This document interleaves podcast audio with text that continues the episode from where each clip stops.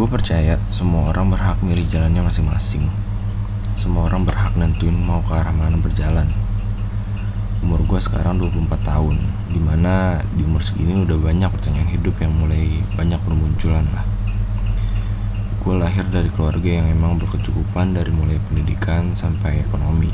Tapi dua faktor itu nggak nggak ngejamin hidup yang gue jalanin sekarang bahagia antara pertemanan, keluarga, dan orang-orang yang emang sekarang ada di sekeliling gue. Masa kecil gue gue habiskan dengan sangat normal. Gue besar dididik sama nyokap. Kenapa nyokap? Karena emang bokap sibuk kerja dari pagi waktu gue masih tidur dan waktu pulang pun gue udah tidur dan itu setiap hari. Jadi bisa dibilang gue besar oleh nyokap lama kelamaan kurangnya kehadiran bokap gue pun hilang didikan nyokap gue lah yang bikin sifat gue sekarang sabar dan selalu ikhlas sama apa yang terjadi.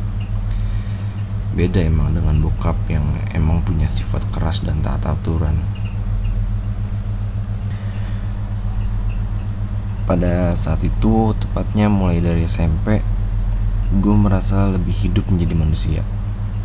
Karena banyak teman-teman yang emang deket banget dan banyak banget pertemanan pertemanan itu pun lanjut sampai SMA dan beranjak kuliah. Dari SMP sampai kuliah gue berubah menjadi brutal.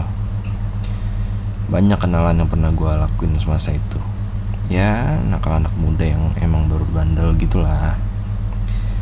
Saat menuju kelulusan kuliah gue ekonomi keluarga ekonomi keluarga emang lagi dipukul habis-habisan.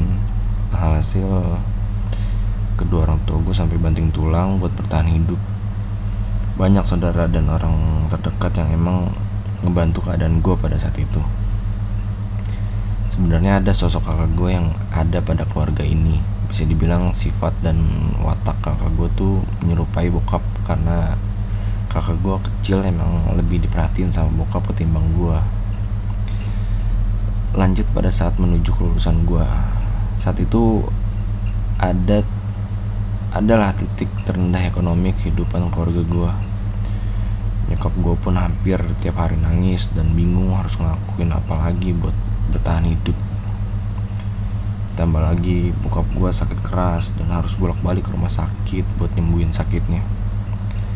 Itu ngebutuhin banyak biaya dan gue sangat bersyukur masih ada saudara yang bantu untuk berobat dan ngasih keluarga gue sedikit rezekinya walaupun buat makan gue sehari-hari.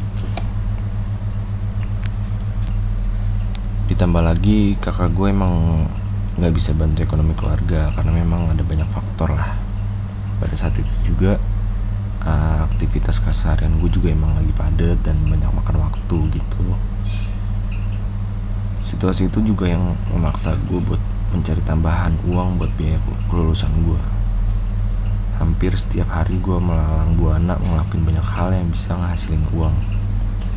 Singkat cerita keadaan ini nyokap selalu bilang sabar kita lagi diuji. Pasti ada jalan dan ada sesuatu yang baik bakalan dikasih ke kita. Kata-kata itu yang bikin gue kuat dan gak tumbang. Gue bikin prinsip kalau nanti hidup gue udah gak kayak gini lagi gue gak akan lupa kalau dulu pernah ada di, di titik terendah dalam hidup yang gue jalanin. Gue selalu menanamkan prinsip kalau nanti keadaannya udah berubah jangan pernah lupa sama rasa sakit yang pernah gue alamin. Prinsip ini yang bikin gue gak akan lupa sama yang namanya sabar dan ikhlas hasil dari perjuangan gue yang berdarah-darah dari banyak hal yang gue lakuin di masa itu adalah buah hasil yang gak akan pernah dilupain. Di mana gue bisa lulus kuliah tepat waktu dan untuk biaya lainnya gue selesai dari hasil jadi payah pada masa itu. Alhasil gue pun lulus dan nyokap gue sangat bangga karena kelulusan gue ini bisa dibilang penuh perjuangan yang benar-benar pahit lah. Pada akhirnya ekonomi keluarga gue pun mulai membaik sampai sekarang. Di mana gue dituntut harus tetap sabar dan ikhlas sama apa yang gue lagi jalanin. Gue bersyukur banyak makna hidup yang pernah gue lakuin. Mulai dari perbuatan baik, buruk, memberi, dan menerima. Keadaannya sekarang pun masih membaik walaupun gue yakin suatu saat nanti kejadian kayak gini akan keulang ya setidaknya gue tahu gimana cara ngelewatinnya semua. Gue berterima kasih banget sama keluarga saudara temen dan orang terdekat yang emang mau bantu gue secara pribadi maupun keluarga.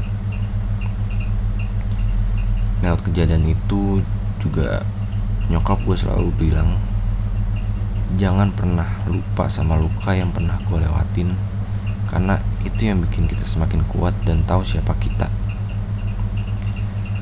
Sekarang gue beranjak dewasa dan udah mulai nentuin mau dibawa ke mana hidup gue ini.